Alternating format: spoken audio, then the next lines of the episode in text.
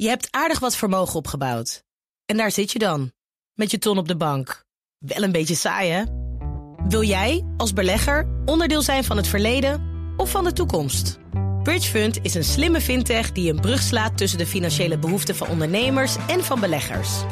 Dus wie belegt bij Bridgefund krijgt niet alleen een mooie vaste rente, maar brengt ook ondernemers in beweging. Echt waar, met die ton kan je zoveel betere dingen doen. Bridgefund. Make money smile. Dit is een BNR podcast. Iedereen, eh, particulier, maar ook professionele beleggers, die natuurlijk een, een Lehman-nood hadden of daarin hadden belegd, uh, die, die hadden natuurlijk een gevoel van paniek. Die dachten, we zijn ons geld kwijt. Uh, dus er werden meteen tientallen, honderden brieven, aanzichtkaarten uh, gestuurd. Aanzichtkaarten? Ja, ook aanzicht. Letterlijk, het, het gevoel dat je kreeg is dat iemand denkt, ik moet een brief sturen vanuit Duitsland. We hebben veel Duitse beleggers ook. En dat ze een aanzichtkaart vonden en die volgeschreven van help. Uh, mijn nood is dit, het ISIN-nummer, dat is het nummer waaronder ze worden verhandeld, of op je beleggingsafschrift staan. Is dat en dat, uh, alsjeblieft, erkende vordering. En, ja. Niet elk ondernemersavontuur eindigt met een notering in de quote 500. Niet elk bedrijf overleeft een flinke crisis. Niet elke onderneming weet het financiële spel goed te spelen. En als alles misgaat, als de chaos regeert en schuldeisers aan de poort rammelen, dan breekt het tijdperk van de curator aan. In deze serie praten mijn collega Elisa Hermanides en ik, Thomas van Zel, over onvergetelijke faillissementen met de puinruimers van het bedrijfsleven. Dit is onder curatoren. En Elisa, de financiële crisis van 2008. Voor veel journalisten toch een, een oermoment, een ground zero. Een heftige periode. Ik denk ook voor jou. Ja, ik, ik, het was, ik was eigenlijk net journalist. Ik was webredacteur bij het Financiële Dagblad. En ik moet vooral denken aan Fortis. Uh, dat was die Belgische bank die in 2007 samen met twee andere banken uh, ABN AMRO overnam. En um, in die tijd, in de kredietcrisis, kwam Fortis langzamerhand in de problemen. En ik herinner me nog dat ik tegen mijn chef toen zei: Moeten we niet een dossier aanmaken? Toen was ik echt net webredacteur bij het FD.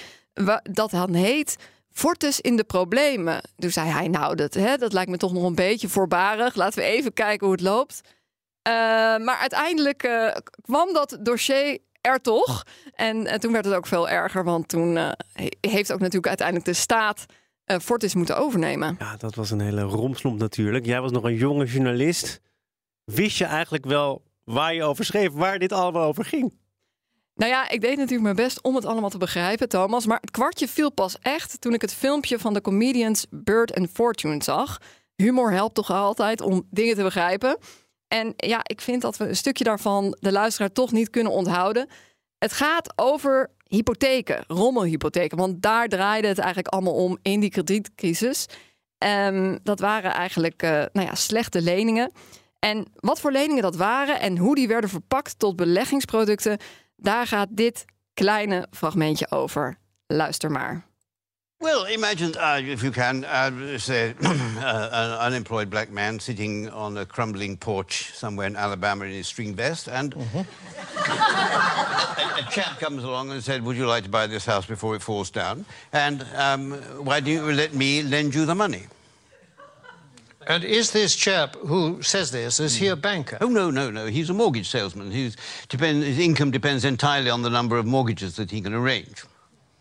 So his judgment to arrange mortgages is completely objective. Completely objective, yes, absolutely. It yes, yes. And, and and what happens next? Well, then this debt, this mortgage, is, is, is debt is, is, is taken, uh, bought by a bank and packaged together mm-hmm. on Wall Street with a lot of other uh, similar debts. Without going into much detail about what is actually. Without going into any detail, no, it's far too boring. Oh. and so this is this is put into a package of debt, and so and then it's moved on to Wall Street, and this this is extraordinary what happens then that mm-hmm. somehow. This package of dodgy debts stops being a package of dodgy debts and starts being what we call a structured investment vehicle. ja, leuk. Ook wel oud natuurlijk, 2008. Het is nu 2024. Waarom hebben we het er vandaag over? Nou, omdat het toch, ja, het is toch een historisch moment hè, geweest, die kredietcrisis. En vooral dan de val ook uh, die daarop volgde van Lehman Brothers. Uh, en vandaag gaan we het hebben over een Nederlands onderdeel van Lehman. Uh, want Lehman, dat op 15 september 2008 omviel, ja, dat zorgde eigenlijk voor een soort olievlek over de wereld aan financiële problemen. Allemaal banken die elkaar niet meer vertrouwden. En uh, ja, dat kwam natuurlijk ook omdat Lehman en ook vele andere Amerikaanse banken allerlei, nou wel heel creatieve beleggingsproducten hadden verkocht. En uh, vandaag gaat het over een Nederlandse BV, waar ook allerlei beleggingsproducten in zaten. Um, van Lehman. En uh, ja, dat heet Lehman Brothers Treasury. En onze gast weet er alles vanaf. En ik vind het gewoon superleuk om daar vandaag in te duiken. Onze gast is Frederik Verhoeven, partner en curator bij Houthof. Van harte welkom. Dankjewel. Ja, voor we beginnen is het misschien goed om even de sfeer van toen uh, terug te halen. Um, hoe oud was jij in september 2008 toen Lehman viel? 34. En hoe herinner je die tijd? Herinner je ook wel dat, het, ja, dat er een bepaald soort, dat je het gevoel had van er komt een soort tornado op ons af, een financiële tornado? Ja, als uh, insolventiejurist en curatoren um, moet je altijd een beetje oppassen, want wij lijken te genieten als het slecht gaat. Um, en dus we houden ons altijd een beetje in als er voorspellingen komen over uh, slecht financieel weer. Eén herinnering heb ik uh, heel helder voor de geest. Dat is in, dat in die periode, het is ergens tussen de zomer, toen de beurskoers al behoorlijk aan het instorten waren, ook van Lehman. Tot aan uh, september was er een congres van insolventierechtadvocaten wereldwijd. Ik geloof dat in Barcelona zaten. En op een moment uh, was de zaal nagenoeg leeg, omdat telefoontjes afgingen en iedereen naar buiten rende. En dat hing samen onder meer met de Forte-situatie. Dus de markt werd onrustig. Er werd een beroep gedaan op insolventierechtadvocaten die zich op konden maken om misschien hier en daar curator te worden. Dus dat, het was inderdaad een onrustige tijd. Ja. En um, wanneer kwam dat belletje? Uh, ik meen dat een collega van jou dat belletje kreeg om dus Lehman Brothers Treasury, Nederlandse tak van uh, Lehman, om daar um, volgens mij in eerste instantie als bewindvoerder te gaan optreden. Dat belletje dat kwam op, um, ik denk 18 september. Dus uh, drie dagen na 15 september, toen de Amerikaanse moeder uh, in chapter 11 ging de Amerikaanse procedure. Um, de Engelse Lehman ook heel belangrijk ging in de administration op 15 september. En de bestuurders van de Nederlandse Lehman hebben een dag of twee, drie genomen om na te denken wat ze gingen doen. En die hebben toen uh, vrij snel gedacht: ja, wij zitten in financiële problemen. Ik kan straks toelichten hoe, dat, hoe die balans er een beetje uitzag. En ze hebben toen een surseance van betaling aangevraagd. Dat, uh, dat heet soms uh, het voorportaal van het faillissement. En um, dat hebben ze gekregen. En als bewindvoerder was Rutger Schimmelpenning aangesteld. En ik werkte met Rutger. Um, dus we zijn met z'n tweeën die vrijdag meteen uh, aan de slag gegaan. Kijken wat we konden downloaden. En de zaterdag erop hebben we een eerste afspraak gehad. Meteen met het bestuur van Lehman Brothers Treasury in Amsterdam. Waar in Amsterdam? Was dat aan de Zuidas? Dat was aan de, ik denk ja, de, de Zuidas, de Stravinsky-laan. Uh, daar had uh, Lehman Brothers Treasury LBT, noemde het ook wel, een kantoor. twee Nederlandse bestuurders, twee andere bestuurders van de Lehman-organisatie zelf. Eén zat in Londen, de andere zat voornamelijk in Zwitserland, maar die kwamen ook over. En daar hebben we het eerste zo standaard mogelijk bewindvoerdergesprek gevoerd. En dan kijk je wat je kunt downloaden. Was dat de manier om aan de benodigde informatie te komen? We hadden vrij snel door dat het een heel uitzonderlijke situatie was. Maar je probeert toch elke surseance en visement via een standaard protocol zeg maar, af te werken. En het eerste wat je doet is, um, ja, kunt u onze administratie geven, overhandigen, inzicht geven. Um, en we hadden vrij snel door dat die administratie behoorlijk omvangrijk zou zijn. Want het balans totaal was 34,5 miljard uh, dollars. Ja. 34,5 miljard. Uh, hoe snel kwamen jullie daarachter dat het om zoveel geld ging?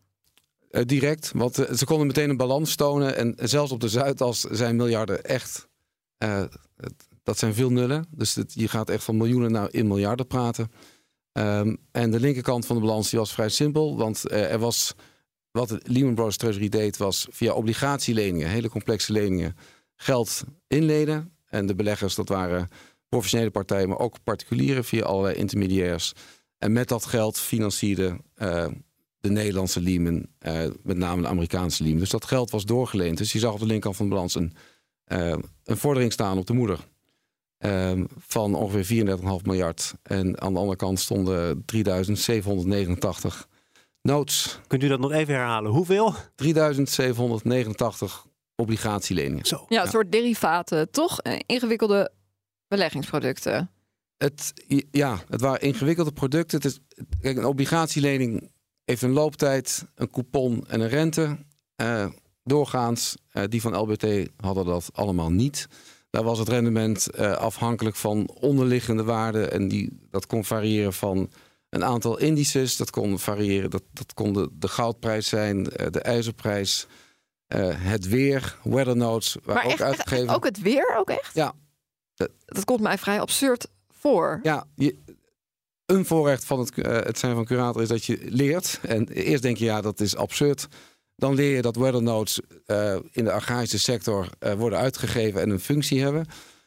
De vraag is of je daar als, als eh, niet-boer of werkzaam in die sector in moet beleggen. Dat is een tweede. Ehm, maar er waren ook notes, die zijn wij de monster notes gaan noemen. Daar was het rendement van het instrument afhankelijk van eh, 200 aandelen gecombineerd met een credit default swap op een Filipijns staatsbedrijf. Dus we kunnen wel zeggen dat het behoorlijk doorgeschoten is. Hè? We begonnen deze uitzending met dat fragment van ja, far too boring om precies te achterhalen wat het nu precies is. Dat heb jij aan de lijf ondervonden. En zoveel miljarden. ehm, word je dan in eerste instantie ook niet een beetje zenuwachtig? Dat je denkt, dit gaat wel over heel veel geld. En wij hebben nu de verantwoordelijkheid om te zorgen dat dit allemaal netjes wordt afgewikkeld.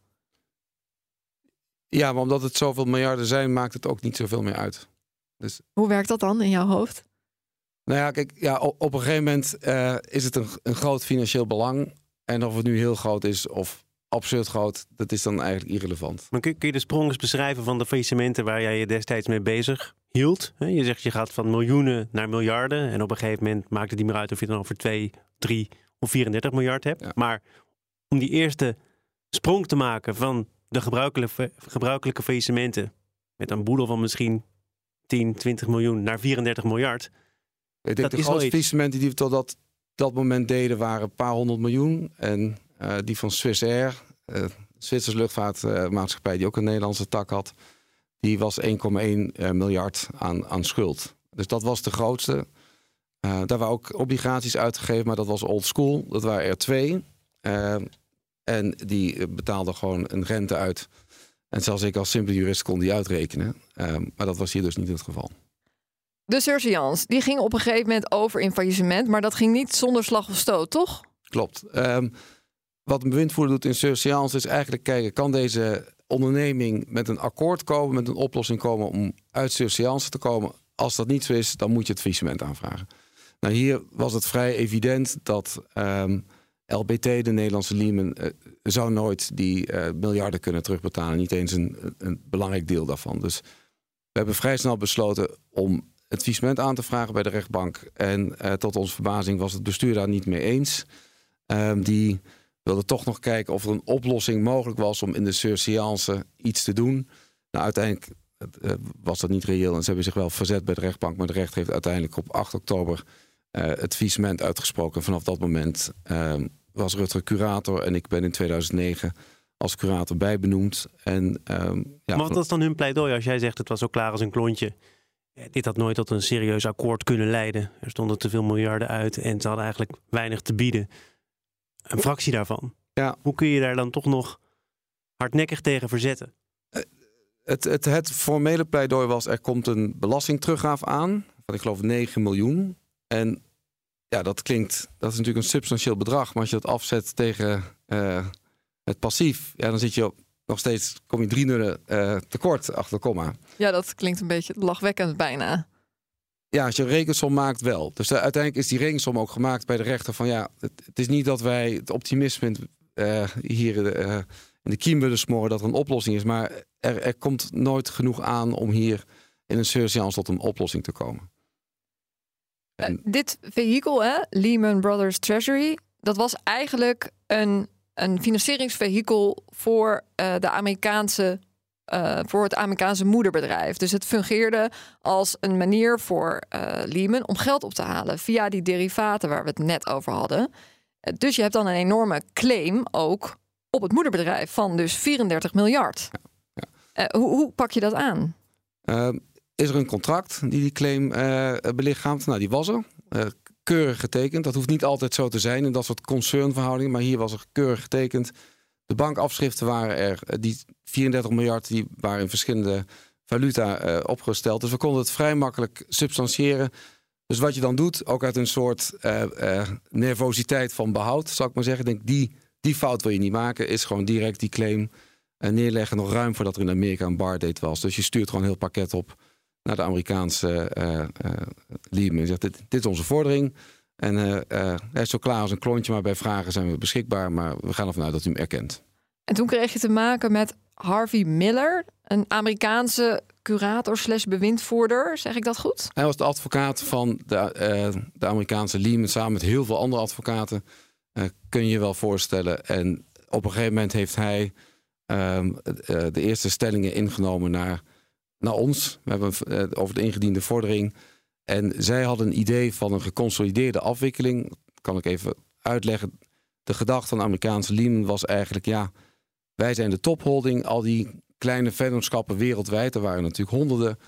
Waarvan LBT, de Nederlandse, wel een van de grootste was qua balans totaal. Dus ze, ze kennen je niet, maar zodra je zo'n claim neerlegt, kennen ze je wel. Eh, want we waren eigenlijk een van de grootste schuldeisers. Ehm, het eerste voorstel was eigenlijk om Lehman dus geconsolideerd af te wikkelen. Dat betekent dat je alle intercompany verhoudingen intern wegstreept. En je biedt één grote pool aan activa aan om zo de schuldeisers wereldwijd te voldoen. Maar Klink- Klinkt makkelijk op zich. klinkt makkelijk. Het is ook, het is ook een typische dynamiek en faillissementen, zeker van grote concerns, is dat voordat er een faillissement is, eh, zijn BV's of eh, eh, SARL's of waar ze ook zijn, limiteds, dat zijn vaak kleinere kostenposten ehm, of kostenplaatsen, moet ik eigenlijk zeggen. En het kenmerk van zo'n wereldwijd faillissement is dat op een gegeven moment knalt zo'n concern uit elkaar en heb je overal die losse entiteiten die je eerst als bestuur van de topholding nooit echt als zodanig zag, die manifesteren zich in één keer met hun eigen balans, hun eigen schuldeisers. Er zit er in één keer een eigen bewind voor de curator, liquidator, hoe je wilt. En die zegt, ja, deze intercompany positie is gewoon een claim, net zozeer als eh, een externe crediteur in Amerika een claim is. En ik wil graag dat die gewoon erkend wordt. En wat ook geen kleinigheden waar je het dan over hebt inderdaad. Hè? Nee. Wat je net aangaf. eh, Ze kennen je plotseling wel. Ja. Op een gegeven moment kwam het eerste voorstel eh, op, op die vordering die we hadden ingediend. Van Harvey Miller en zijn collega's. Ja, daar kwam, daar kwam Harvey Miller voor, eh, eh, voor over naar Londen. En ik, ik werd eh, in Londen verwacht. En dan zou ik een reactie krijgen op de ingediende vordering. Oh, het was wel, wel zo dat je werd verwacht. Ja, tuurlijk. Ja, Nee, want die man is beroemd en berucht, toch? was Harvey beroemd Miller. en berucht. Ja, en, ehm, maar ja, om, om, ik denk om de goede redenen. Eh, maar hij was, ik denk dat hij toen al eh, eh, ja, tweede helft 70 was. Ehm, maar is dat niet intimiderend als je zo'n soort dinosaurus van insolventie eh, recht wereldwijd eh, tegenkomt? Het is intimiderend bedoeld. En daarom moet je proberen niet geïntimideerd te raken. Zei de destijds 34-jarige Frederik. Ja, dit was twee jaar later. Dus misschien Oh, was pardon, het toch al 36. Nee, 36. een hele Ja. andere wereld. Ja. Precies, begrijp het. Ja.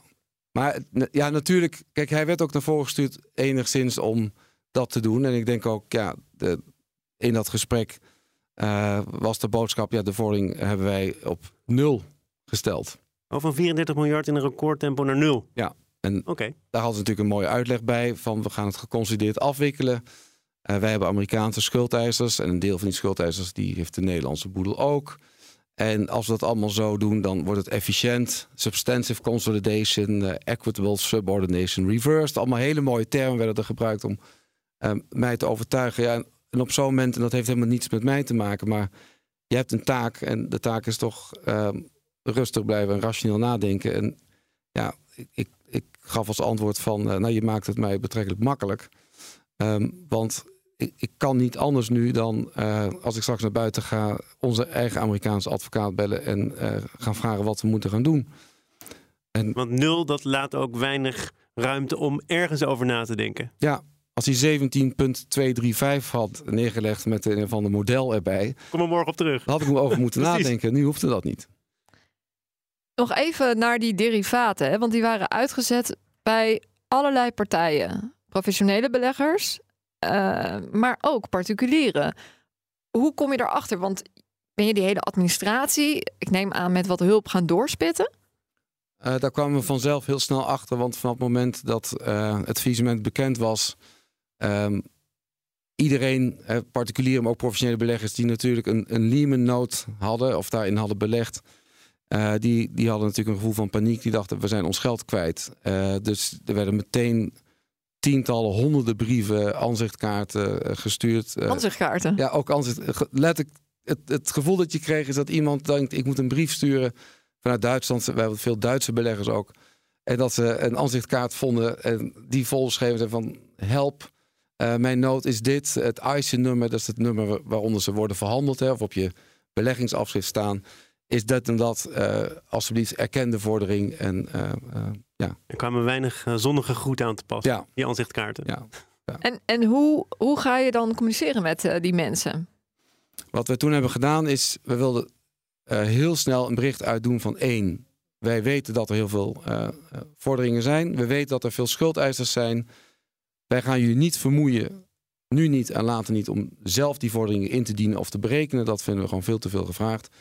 Wij gaan een proces optuigen dat we dat allemaal voor jullie gaan doen. En de eerste stap die hebben we gedaan is via de clearing. Ik weet niet of het bekend is, maar dat zijn de instituten die eigenlijk het handel in effecten tussen banken en financiële instellingen mogelijk maken. Dus je hebt Clearstream en Euroclear. Dat zijn hele belangrijke uh, organisaties die onafhankelijk zijn. En daar kun je je kans ook gebruiken om mee te communiceren. Dus als als je Clearstream een bericht geeft en je zegt stuur dit bericht aan iedereen die een belang in dit instrument heeft. Want elke noot, het waren er bijna 4000, was ook nog eens een keer opgeknipt in heel veel kleine stukjes. Dan doen ze dat. En dat, dat bericht gaat als het ware door een trechter. En dan vliegt het via de eerste bank die het houdt naar misschien andere banken daarachter. En vaak sturen dat gewoon heel keurig, die banken, ook in het kader van de zorgplicht, door aan hun beleggers. Uh, die in die instrumenten zijn gestapt. Ja, maar de zorgplicht, daar ging het toch ook om tijdens de kredietcrisis? Wat er nou precies van die zorgplicht overbleef of niet? En of mensen hadden moeten weten waar ze precies in zaten? Ja, nee, dat, dat, dat zie je goed. De, de zorgplichtvraag vervolgens uh, van veel klanten naar die banken. Uh, nou, dank dat ik dit bericht krijg. En ik zie nu inderdaad dat die curatoren aan de slag gaan om in ieder geval te zorgen dat, dat de vordering gezien wordt. Maar ik kom eigenlijk nu pas achter dat dit een uh, verdraaid ingewikkeld uh, product is. Eén. Uh, en twee, ik kom erachter dat misschien de waarde behoorlijk gaat tegenvallen. Even los. Drie, wat ik uit het visement op die waarde ga krijgen. Waarom heb ik dit eigenlijk gekocht in de tijd? En diegene die dat verkocht heeft, dat waren vaak die banken.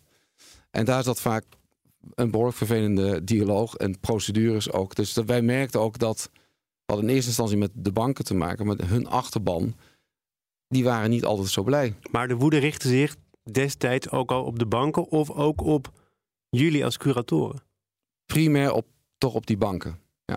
Want kijk, met Lehman, wij, wij, zijn geen, wij waren geen Lehman, maar wij, wij erfden wel die obligaties. En natuurlijk was ons eerste gevoel van god, het is heel complex en ingewikkeld. Weather notes, waar hebben we het over? Is het wel oké? Okay? Nou, en dan zie je ook wel weer dat de wereld is soms genuanceerder dan, dan, die, uh, uh, dan die wordt voorgespiegeld. Dat als je naar een Lehman Note keek, dan stond er wel heel duidelijk vaak van ja, het werd vrij goed uitgelegd dat je heel goed je hele inleg kon verliezen. Er waren ook notes die heel ingewikkeld waren, maar wel vriendelijk, dat je nog in ieder geval je inleg kon terugkrijgen of 80 of 90 procent van je inleg. Alleen de vraag was wel altijd, ja, je moet wel een wiskundige zijn, wil je echt heel goed weten waar je in belegt. Maar niemand las natuurlijk de hele documentatie. Dat werd dan samengevat in allerlei flyers en reclame dingetjes. En misschien werden de beleggingsbeslissingen genomen op veel te weinig kennis. En uh, die producten zijn natuurlijk door andere banken, die producten van Lehman zijn door andere banken lokaal natuurlijk eh, do doorverkocht of verkocht. Ja. Met een bepaalde marketing. Dus uiteindelijk weet je ook niet wat er nog van die informatie die ooit is opgesteld is overgebleven. Ja. Maar duidelijk is wel, de administratie, de clearing was wel goed gegaan. Want die communicatie die jullie deden, dat verliep wel redelijk soepel. Ja, dat, dat verliep opmerkelijk soepel. Letterlijk, eh, brieven die wij door de clearing heen gooiden, die kwamen aan bij eh, beleggers in Japan of Australië. En sommige banken zijn dan ook wat meer ouderwets. Die uh, kopieerden of die printen letterlijk die brieven uit en die stuurden dat op de post naar hun klanten. Dus dat, dat werkte goed. En zo creëer dus rust. Dat was eigenlijk de eerste stap als we het toch gaan hebben over hoe we met die notes omgingen. En toen was de tweede stap ook gecombineerd met voor dit soort faillissement een heel uh, interessant en belangrijke dynamiek om te begrijpen, is dat vanaf, dat, vanaf het moment van het faillissement worden de notes eigenlijk vaak gekocht door allerlei hedge funds. Dus die kopen ze van de banken. En vaak kunnen die banken dan schikken met hun klanten. Eh, en die zijn van het gedonder af, om even zo te zeggen. Mm. En die hebben ook geen zin om lang op zo'n faillissement te wachten. En krijgt dan zo'n klant uiteindelijk voldoende geld terug? Of heeft hij dan het gevoel van, nou, hè, ik, heb, eh, ik ben op een fatsoenlijke manier behandeld?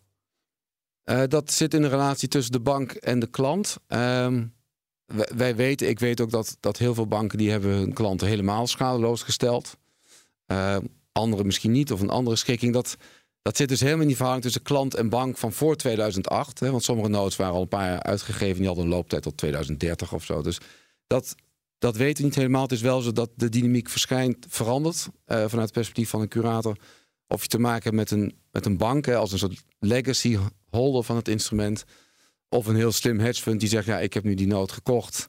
En uh, die zetten de drukte wat meer op. Uh, want die hebben natuurlijk gekocht voor, tegen een stevige afslag. Ja. En die willen wel dat er een oplossing komt. Ik kom zo bij de hedgefonds hoor. Maar eh, ik ben nog even benieuwd van... zijn jullie in die tijd ook niet bang geweest voor een soort van claimorganisatie... die dan al die mensen, al die kopers van die derivaten... bij elkaar zou brengen en zou zeggen van... nou, uh, we gaan eens even procederen? Uh, niet bang, wel gedacht, daar kunnen we meegetrokken worden. Want uh, er waren claimorganisaties hier en daar, Duitsland, ook in Azië veel. Maar dat centreerde zich toch allemaal richting de banken die het uiteindelijk verkocht hadden. Niet zozeer richting Lehman. Maar het komt ook misschien wat wij meteen hebben gezegd. Wij gaan de vorderingen berekenen en we gaan geen uh, allerlei procedurele stappen opwerpen om dit in te dienen. Dus aan, aan de Lehman kant, of de LBT kant, wij erkennen het. Um, en sommige noten die waren zo, zo gek nog niet. Hè? Dus er waren misschien crediteuren of beleggers dachten... geen idee waarin ik belegd heb, maar oké, okay, ik snap dat het... Uh, 105% van de nominale waarde is volgens die curator. Daar krijg ik uitdelingen op. Nou ja, dat had slechter gekund. Dus dat... Je bent eigenlijk best mild, valt mij op. Stel nou dat je niet curator was geweest, maar gewoon de geïnteresseerde krantenlezer. Wat ik toen was, laat ik maar zeggen. Ik dacht ook, nou, dan wordt er allemaal rotzooi, allemaal flauwekul verkocht aan mensen die geen idee hebben wat ze nou precies in huis hebben. Maar jij hebt echt een kijkje in de keuken gehad en jij komt toch tot een genuanceerder oordeel? Nou, dat ligt eraan in welke keuken ik kijk. Hè? De, deze keuken, ik snap je vraag heel goed. Uh, want ik heb natuurlijk ook uh, uh, vooroordelen of gedachten van... nou, dat, dat zal wel wat zijn. Kijk, de Lehman keuken, daar zag ik het probleem niet zozeer. Ik dacht me, vroeg me alleen af, het is zo ingewikkeld en zo complex. En slaat het ergens op? Dat wel. Maar de keukens van banken die dat vervolgens verkopen aan klanten die keuken, daar uh, uh, had ik liever niet willen staan. Begrijp je? Want sommige no's waren gewoon niet te begrijpen. Nee, precies. Dus dan, ben je, dan bestel je een gerecht, maar je hebt eigenlijk geen idee wat je aan het eten bent. Of, hè, dus dat is eigenlijk wat je suggereert. Hè? Dat kan zijn dat die banken die klanten uiteindelijk niet goed hebben voorgelegd over het product van Lehman wat ze afnamen. Ja.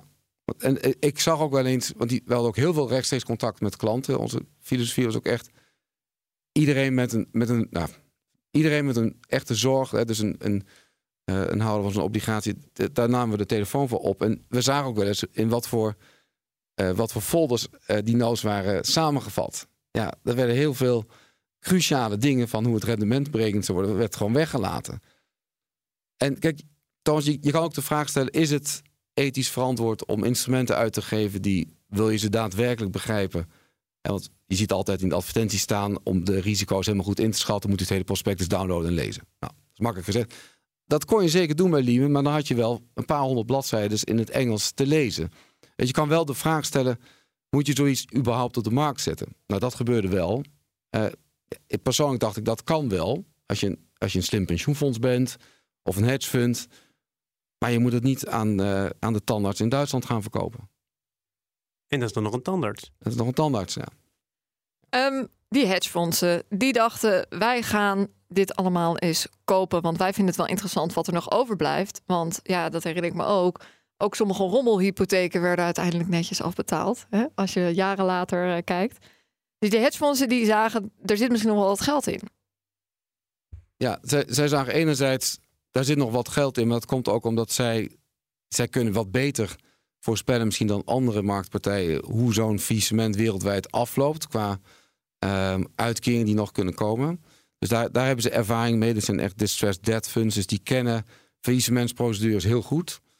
Uh, dat is één. En twee, zij, zij konden natuurlijk die notes kopen eh, ja, voor misschien uh, 10% van de nominale waarde. Flinke kortingen. Enorme korting, ja. Maar dan heb je dus te maken met andere partijen. W wanneer kwam deze shift? Want eerst heb je te maken met al die verschillende ehm, beleggers. En dan ja, blijven er dan een paar over? Of waren dat er alsnog wel veel, die hedgefondsen? Um, dat traject van, uh, van handel in die notes, dat begint eigenlijk direct. Uh, dus elke, wij elke week uh, was de verhouding oorspronkelijke houders, hedgefunds, werd weer groter richting de hedgefunds. En ik denk dat aan het einde van het visement, zeg maar in 2013, en we zitten nu in een andere fase, was onze inschatting dat 60 à 70 procent uiteindelijk werd gehouden door, door hedgefunds. Ja. Je had het net al even over die waardering. En passant, uh, hoe waardeer je dit soort derivaten? Hoe doe je dat? Hoe hebben jullie dat aangepakt? Eh, het, het is een Nederlands visement. Dus de visementswet die, uh, die zegt hoe je vorderingen moet waarderen. En of die vordering nou voortkomt uit een factuur van de bakker of uit de houder van een derivaat, dat maakt in beginsel niks uit. Dat is dan stap 1. Ja, die wetgeving is uit 1896, de Nederlands Visementwet. Dus het, het Lehman eh, dat voelde soms als een nogal gedwongen huwelijk tussen het meest ingewikkelde wat Hoort Finans had gecreëerd aan de ene kant en een hele oude wet die zegt over uh, waarderingen uh, aan de andere kant. En dat, maar dat was het systeem wat we moesten uitdokteren. En we hebben eigenlijk stap voor stap die twee tot waarderingsprincipes gebracht die we zelf formuleerden. stap voor stap, het waren bijna 3800 verschillende derivaten, toch? Ja, maar, maar je begint in die chaos met, met gemene delers. ze hadden allemaal een einddatum. Dat is één. Dus je weet vanaf welk moment je moet terugrekenen of een, een, disconteringsvoet moet toepassen. Um, ze hadden allemaal, was er een, ooit een bedrag ingelegd. Dus je, je, je, had, je hebt piketpalen waarmee je kan beginnen of elementen. En, en ik heb, we hebben hier ook advies over we moeten inwinnen van uh, financiële experts. Je hebt het niet allemaal zelf uitgerekend. Nee, dat, uh, dat was een drama geweest. Maar wij hebben um, samen met hen stap voor stap waarderingsprincipes um, ontwikkeld. En die communiceerden wij om de drie maanden. Eerst in voorlopige vorm. En als een, uh, dan, kregen we dat, dan nodigden mensen uit om daar reacties op te geven. Dus dan kregen reacties van andere financiële experts. Zeiden, nee, je moet echt zo'n disconteringsvoet hanteren. Of je moet dat zo en zo doen. Maar ook van allerlei Nederlandse hoogleraren. Die zeiden, nee, die vieze die moet je zo en zo begrijpen... in combinatie met dit soort vorderingen. Als, als er muziek in zat, dan namen we dat mee. Want het is toch, uiteindelijk moet je er polderend uitkomen. En dan de volgende principes die we dan lanceerden drie maanden later, die waren wat scherper gesteld, wat nauwer. En zo hebben we iedereen eigenlijk stap voor stap in een fuik laten zwemmen, maar wel consensueel. Totdat uiteindelijk waarderingsprincipes hadden waarmee we dachten, nou die zijn definitief. En zo gaan we die hele bubs waarderen. Maar dan kan je wel een hele scriptie over schrijven. Of misschien zelfs een... Uh, op promoveren. Een promo op promoveren, toch? Wat een proces. Ja, maar je zegt, we hebben mensen in een steeds nauwere fuik laten zwemmen. Dat moet ik in dit geval dus niet negatief opvatten. Dat is positief. Maar wie laat je er dan in zwemmen? Um, dan laat je de schuldeisers in zwemmen. Want die, die, melden zich actief. Dus, um, en natuurlijk zie je ook wel dat er een spel ontstaat. Want eh, je had in onze 4000 notes kun je je voorstellen dat de ene type nood was misschien relatief eenvoudiger of relatief minder complex dan de andere. En die dus je kreeg verschillende groepen. Je had noodholders die hielden misschien de simpele nood, zal ik maar even zo zeggen. En je had de groepen die hielden de, de complexe notes. Dan had je groepen die hielden notes met een lange looptijd, korte looptijd. En die konden natuurlijk een beetje tegen elkaar indiscussiëren. Je kan je voorstellen, als jij een uh, obligatie had met een hele lange looptijd, dan wil je een zo'n laag mogelijke disconteringsvoet. En schuldeisers met een hele korte looptijd dachten, nou, die disconteringsvoet interesseert ons niet. Hoe hoger, hoe beter, want dan verwateren die andere jongens aan de, uh, uh, aan de andere kant van de gang, krijg ik een hogere opbrengst. Hè, want de schuldverhouding verschuift. Dus onderlinge twisten begrijp ik. Ja, en die onderlinge twist die, uh, was voor ons ook een reden om uiteindelijk naar een akkoord te denken. Want die twisten waren zo heftig aan de ene kant, maar aan de andere kant ook best reëel. Want iedereen kon wel een waarderingsprofessor uh, een opinie laten schrijven. Zeggen, nou, de disconteringsvoet moet inderdaad twee zijn. De ander zei nee, het moet tien zijn dat we toch een soort balance of terror op een gegeven moment zagen. Dat ja, die, die groepen zouden elkaar in juridische procedures zo kunnen bevechten dat het faillissement 10, 20 jaar stil had kunnen liggen. En op een gegeven moment hadden ze ook wel door, ja, dat werkt niet. En terug naar die fuik, dat was ook wel een, een prikkel voor die groepen om zelfs standig enigszins in die fuik door te zwemmen. Want, Maar heb jij, heb jij ook eh, boze berichtjes van mensen gekregen die, die zagen van, oh, maar je zit, eh, je zit nu eh, mijn derivaten af te waarderen met misschien eh, 40, 50 procent, terwijl ik ben het daar niet mee eens? Z- zeker. Maar, maar ja, wij, wij dachten, kijk, als curator ben je onafhankelijk en onpartijdig. Dus in onze waarderingsmethodieken probeerden we ook de, ja, het gouden midden te vinden. En dat communiceerden we ook. En dat, uiteindelijk is dat ook, is dat ook geaccepteerd. Want anders zouden die groepen niet verder bewogen zijn. En op een gegeven moment hebben ze een belangrijke groep hebben hun steun eh, geschreven. En zij hadden ook belang bij. Want op een gegeven moment zagen ze ook, als we hierover gaan vechten... eh, bij de rechter in Nederland... wat gek genoeg een hele kleine investering zou zijn voor ze. Omdat die notes potentieel zoveel konden uitkeren... en een discussie over een disconteringsvoet echt serieus geld zou kunnen opleveren... was het inschakelen van een advocaat niet een hele grote investering. Want dan zou je het hele proces lam leggen. En op een gegeven moment hebben we ze daar ook van overtuigd. Van, je moet eigenlijk in een soort akkoord een plan, eh, een veer laten hier en daar... om gewoon eh, eh, een uitkering van ons Maar dan moet je wel kunnen aangeven dat zo ongeveer iedereen evenveel veren laat. Op het moment dat blijkt dat één bepaalde groep obligatie van derivatenhouders er beter uitkomt dan de andere, is draagvlak vermoedelijk ver te zoeken. Ja. Of Ja. kun je zeggen, dat is tegenwoordig modern, niemand is er echt tevreden mee, dus heb ik het goed gedaan. Nou, ik denk, eh, een, eh, een element van dat laatste, dat voelden we wel. Ja. Oh. ja. En ik denk dat dat goed is. Eh, nie- niemand was echt blij en niemand was echt chagrijnig. Dus op een gegeven moment is ook, zijn die waarderingsprincipes hebben we in een akkoord vervat. En we hebben elke noot ook gewaardeerd eh, op een manier die iedereen kon herkennen. Dus op de website stond er gewoon, deze noot is gewaardeerd op eh 76% van de nominale waarde. Dat zelfs een particuliere belegger die 1000 euro ooit had belegd, eh, kon zien van oké, van die 1000 euro erkennen die curatoren 760 euro. Dat is hoe ze het hebben gewaardeerd. Nou, dan wisten ze dat ze op grond van die 760 euro een uitkering zouden kunnen krijgen. En inmiddels hebben we er 15 uitkeringen gedaan. En we hebben in totaal 41% nu uitgekeerd. Dus dat is nog redelijk wat teruggekomen. Maar andere notes die hadden een waarde van, van 10%. Eh, dat had dus eigenlijk niks met faillissement te maken, maar gewoon met die onderliggende waarde.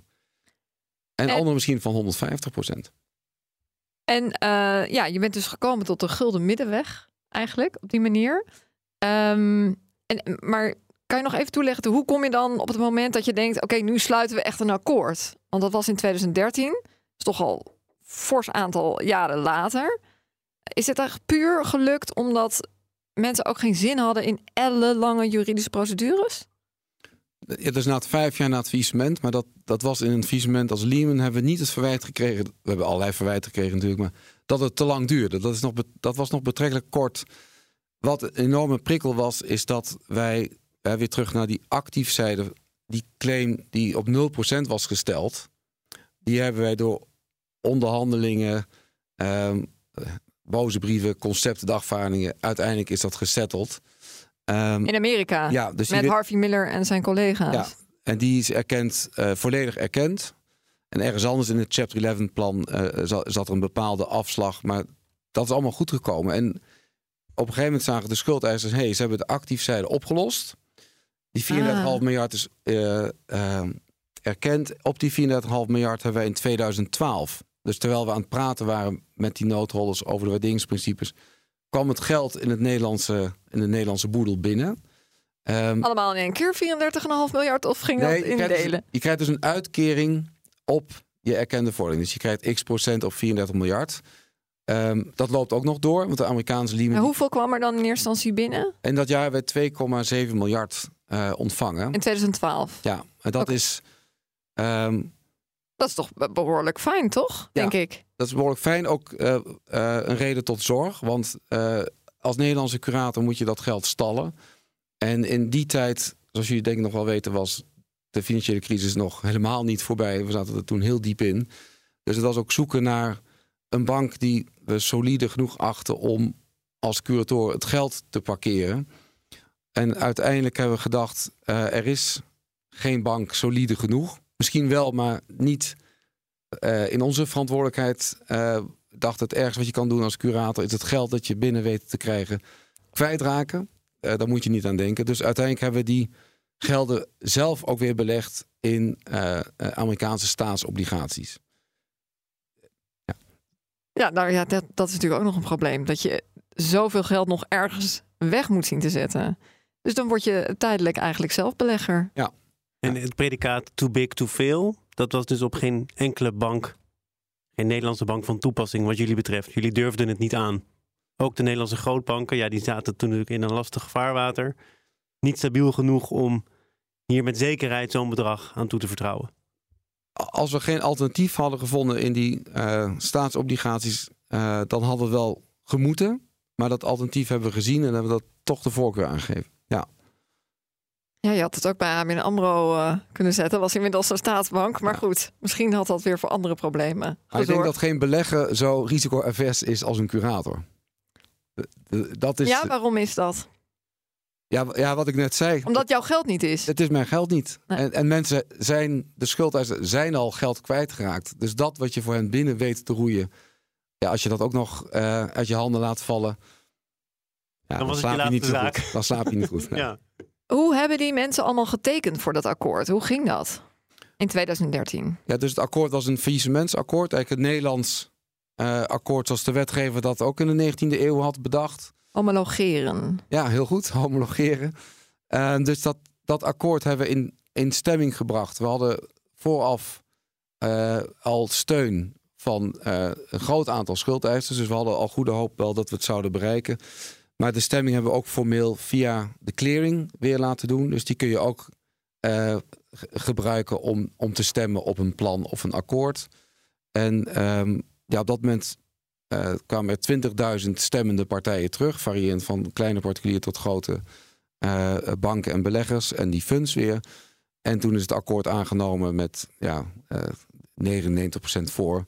Oh, dat is echt veel. Dat is ja, Noord-Koreaans veel. Dat was ook weer niet de bedoeling. Maar ik denk dat dat ook gewoon komt omdat iedereen uh, tot op zekere hoogte moe gedacht was. Uh, iedereen wist als het akkoord er komt, dan moet iedereen zijn, zijn discussie staken. Dan staat de waardering helemaal vast. Dus dat, dat, is in ieders belang. Dat is eigenlijk een, een CAO met, met een stel funds. En het, ja, dat, het was een enorme opluchting toen dat er kwam in maart 2013. En vanaf dat moment zijn we dus twee keer per jaar aan het, aan het uitkeren. En dat komt dus ook, jij, jij denkt dus ook dat het echt wel komt dat dit akkoord er gekomen is. doordat jullie goodwill hebben gekregen omdat jullie aan de andere kant dat geld van het Amerikaanse Lehman in Chapter 11 ook al voor een deel binnen hadden gekregen. Dat ze dachten, nou, die curatoren zijn goed bezig, daar komt wel iets uit. Dan moeten wij misschien ook een stapje zetten. Ja, ja of goodwill, maar ook het gevoel van... hé, hey, er, er, komt al geld binnen, dat is van ons. we moeten wel een systeem hebben om dat zo snel mogelijk te kunnen krijgen. Dat die curatoren dat kunnen verdelen. Daar is dat akkoord voor nodig. En anders hadden we gewoon op de pot moeten blijven zitten. De pot met geld, in dit geval. Voordat we het konden uitkeren. En hoe gaat dat nu, dat uitkeren? Ben je daar nog steeds mee bezig? Daar zijn we nog steeds mee bezig. Maar dat, nu gaat het allemaal vrij, um, vrij eenvoudig. Ja, dus tot twee keer per jaar krijgen wij nog steeds een uitdeling van het Amerikaanse Lehman op die 34,5 miljard. Um, en dan keren we dat weer uit aan de noodholders. Um, inmiddels hebben we niet uh, meer 3780 uh, notes. Maar we hebben nog één. Uh, want wij hebben in 2019 uh, eh, gedacht. We zitten nu in rustige vaarwater, maar we zitten nog steeds met 4000 bijna van die instrumenten. Die trouwens in 17 verschillende valuta's gesteld waren. Dus we moesten bij elke uitdeling ook de valutamarkten op om die buitenlandse valuta in te kopen om zo uit te keren. Dus dat was bewerkelijk en kostbaarder. En toen hebben we een exchange gezet. Dus we hebben eigenlijk de nood al die notes ingeklapt tot één nieuwe die in dollars is gesteld. En dat, dat was ook wel heel leuk om te doen voor de uh, advocaten nerds. Je hebt ze verpakt. Ja, nou ja, we hebben ze eigenlijk uh, ingeruild. we hebben ze verpakt, ja. Ja. Ja. Um, ja, ik hoor dit allemaal aan en denk ik... dit hebben jullie natuurlijk niet in je eentje gedaan. Wat voor team heb je hiervoor nodig gehad? Wat voor partij heb je allemaal ingehuurd om dit allemaal te kunnen doen? Ja, nee, dat hebben we zeker niet in ons eentje gedaan. En um, we hadden dit niet kunnen doen. Uh, nou, ten eerste hadden we hele goede financiële adviseurs van PwC. En die hebben ons uh, uh, ontstellend goed bijgestaan. met name ook de lead partner Gareth Davies. Die, die, die voelde ook de noodzaak om dit te doen. Dus toch veel dank ook aan hem en onze Amerikaanse advocaten. Daar moet je ook maar mazzel mee hebben, want we werken met meerdere advocaten samen, ook als Houthof. Maar het kantoor dat we hadden hier, dat, dat klikte enorm. Die had ook hele goede ingangen bij de hedge funds en de Amerikaanse bank. Die wist ook precies wanneer je moest schreeuwen tegen ze en wanneer niet. En die, dat is ook een, cult, dat is ook een cultureel aspect hè, van hoe, hoe, hoe vertaal je uh, het denken van Nederlandse curatoren daar in New York uh, op zo'n manier dat ze, dat ze je respecteren en dat ze je begrijpen en dat je zo'n Nederlands visumutsakkoord verder kan nemen en dat ze daar ook het vertrouwen in hebben. En hoe doe je dat dan? Oh, sorry. Nee, je gang. Nee, ik vraag me af, hoe doe je dat dan omgaan met die Amerikanen? Uh, door daarheen te vliegen met ze te spreken. Het klinkt niet heel duurzaam, maar dit zijn gesprekken die moet je face-to-face voeren.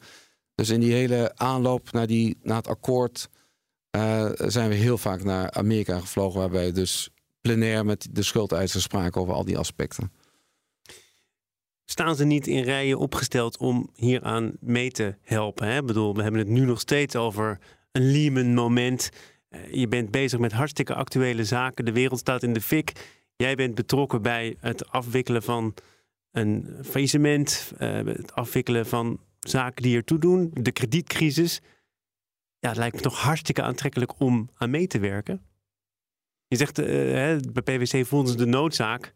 Ja, het is toch ook fantastisch. Dat laat je toch niet passeren? Ja, ja, het is de intellectuele noodzaak. Dat is het. Het is de nieuwsgierigheid en uh, ook het voorrecht om uh, zo'n ingestorte bank uit elkaar te mogen halen en te zien dat dat is. Uh, ja, daar mag je ook best dankbaar voor zijn. Ik bedoel, het, het werk is niet saai. Het is soms ben je het overzicht kwijt en, en slaap je wat minder.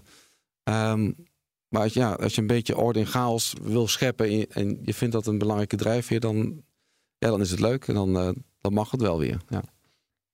En um, hoeveel is nu uiteindelijk op die ene noot dan procentueel uh, aan waarde uitgekeerd? In, in totaal hebben wij uh, 41% uitgekeerd. Dus dat is zowel de oude noot als de nieuwe noot. Dat maakt eigenlijk niet zo heel veel uit. Maar aan de schuldeiserskant is dus 41% uh, teruggekomen. Nou ja, goed, we hadden het over funds die misschien voor 10% of minder um, die notes gekocht hebben. Dus daar, daar, zit, daar, daar zie je een bepaald rendement. En kan, kan het nog oplopen? Want je zei, je bent er nog steeds mee bezig. Of zijn dat echt de laatste loodjes? De laatste loodjes zijn uh, een aantal uh, ingewikkelde procedures waar de Amerikaanse Lehman nog in zit.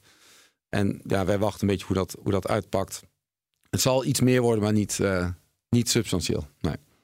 Hoe kijk je nu terug op dit faillissement? Ja, ik, uh, zoals ik al zei, een voorrecht om te mogen doen. Ik ben in die zin, ik was, ja, ik was jong. Aan het begin van, van je gesprek zei je, je was 34. Dat, dat is in dat insolventie- en faillissementswereldje wat toch een, nogal een, een oude grijze mannenwereld is is dat, is dat, was dat jong? Is dat jong? Dus ik ben in die zin ja, een enorme steile leercurve curve gehad. En ik kijk erop terug eigenlijk met vooral opluchting. Omdat ik, ik was vooral opgelucht toen het akkoord er was. En ik heb niet zozeer een gevoel gehad van kijk ons nou dit gedaan hebben. Dus er zat ook wel iets in van het had niet heel veel langer moeten duren. En ehm, professioneel zeker uh, onwaarschijnlijk mooie tijd, maar het was ook goed om het uh, afgerond te hebben. Maar, maar wanneer had je dan het moment dat je kon uitademen? Was dat in 2013 met dat akkoord? Ja, dat was voor mij het. Uh, we hebben daarna nogal dingen gehad, maar niets in verhouding tot die periode 2012, 2013. Als je Lehman hebt gehad, zo vroeg in je carrière, wordt het dan ook lastiger om je op te laden voor het faillissement van de, de winkel om de hoek? Het is al downhill from here. Ja, denk ik, te vroeg gepiekt. Ik weet het niet. Ja, nee, nee. ja nou, met een serieuze ondertoon. Nee, nou, nee, het is, het is, um, um, het is helemaal niet moeilijk om je op te laden. Ik heb ook trouwens tijdens Lehman liep ook andere zaken door. Uh, en ook uh, gingen veel aannemersbedrijven ook failliet in die tijd, ook in Amsterdam. En daar ben ik ook curator van geweest. Ja, dat, ja, dat is... moet je toch ook af en toe zeggen: pardon, ik moet nu, ik moet nu naar New York. Nee, dat zou ik nooit zeggen. Nee, dat, eh, dat, dat uh, elke zaak verdient zijn eigen aandacht. En dat, dat, is, dat vind ik net zo interessant. Dus dat. Uh, Lehman is iets heel moois, maar soms was je ook wel die nood zat. Hè. Dat is natuurlijk ook een beetje een synthetische werkelijkheid. En dan is het helemaal niet verkeerd om een visement of een zaak als advocaat te doen waar je, waar je gewoon wat, wat concreters om handen hebt. Dus dit, uh, over een bouwplaats wandelen. Of een bouwplaats wandelen of je wel of niet een dakkapel door laat bouwen of niet. Ja. Nou, misschien dat jullie daar nog een andere keer over spreken. Ja, wie weet. Dank Frederik Verhoeven, partner en curator bij Houthof. Dit was Onder Curatoren. Wil je meer gesprekken horen met de puinruimers van het bedrijfsleven? Abonneer je dan via jouw eigen podcastkanaal of via de app van BNR. Luister vooral ook de vorige aflevering over een Groningse glasfabriek die door de hoge energieprijzen de deuren moest sluiten. In die ovens zat voor miljoenen aan platina. Een veiligheidsrisico voor onze curator van vorige keer. En mocht je trouwens ook een interessante faillissement hebben meegemaakt als curator, mail dan vooral naar zaken.bnr.nl en misschien gaan wij er dan binnenkort met jou over in gesprek. Dankjewel voor het luisteren.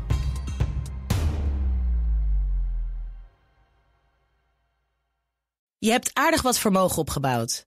En daar zit je dan, met je ton op de bank. Wel een beetje saai, hè? Wil jij, als belegger, onderdeel zijn van het verleden of van de toekomst? Bridgefund is een slimme fintech die een brug slaat tussen de financiële behoeften van ondernemers en van beleggers. Dus wie belegt bij Bridgefund krijgt niet alleen een mooie vaste rente, maar brengt ook ondernemers in beweging. Echt waar. Met die ton kan je zoveel betere dingen doen. Bridgefund. Make money smile.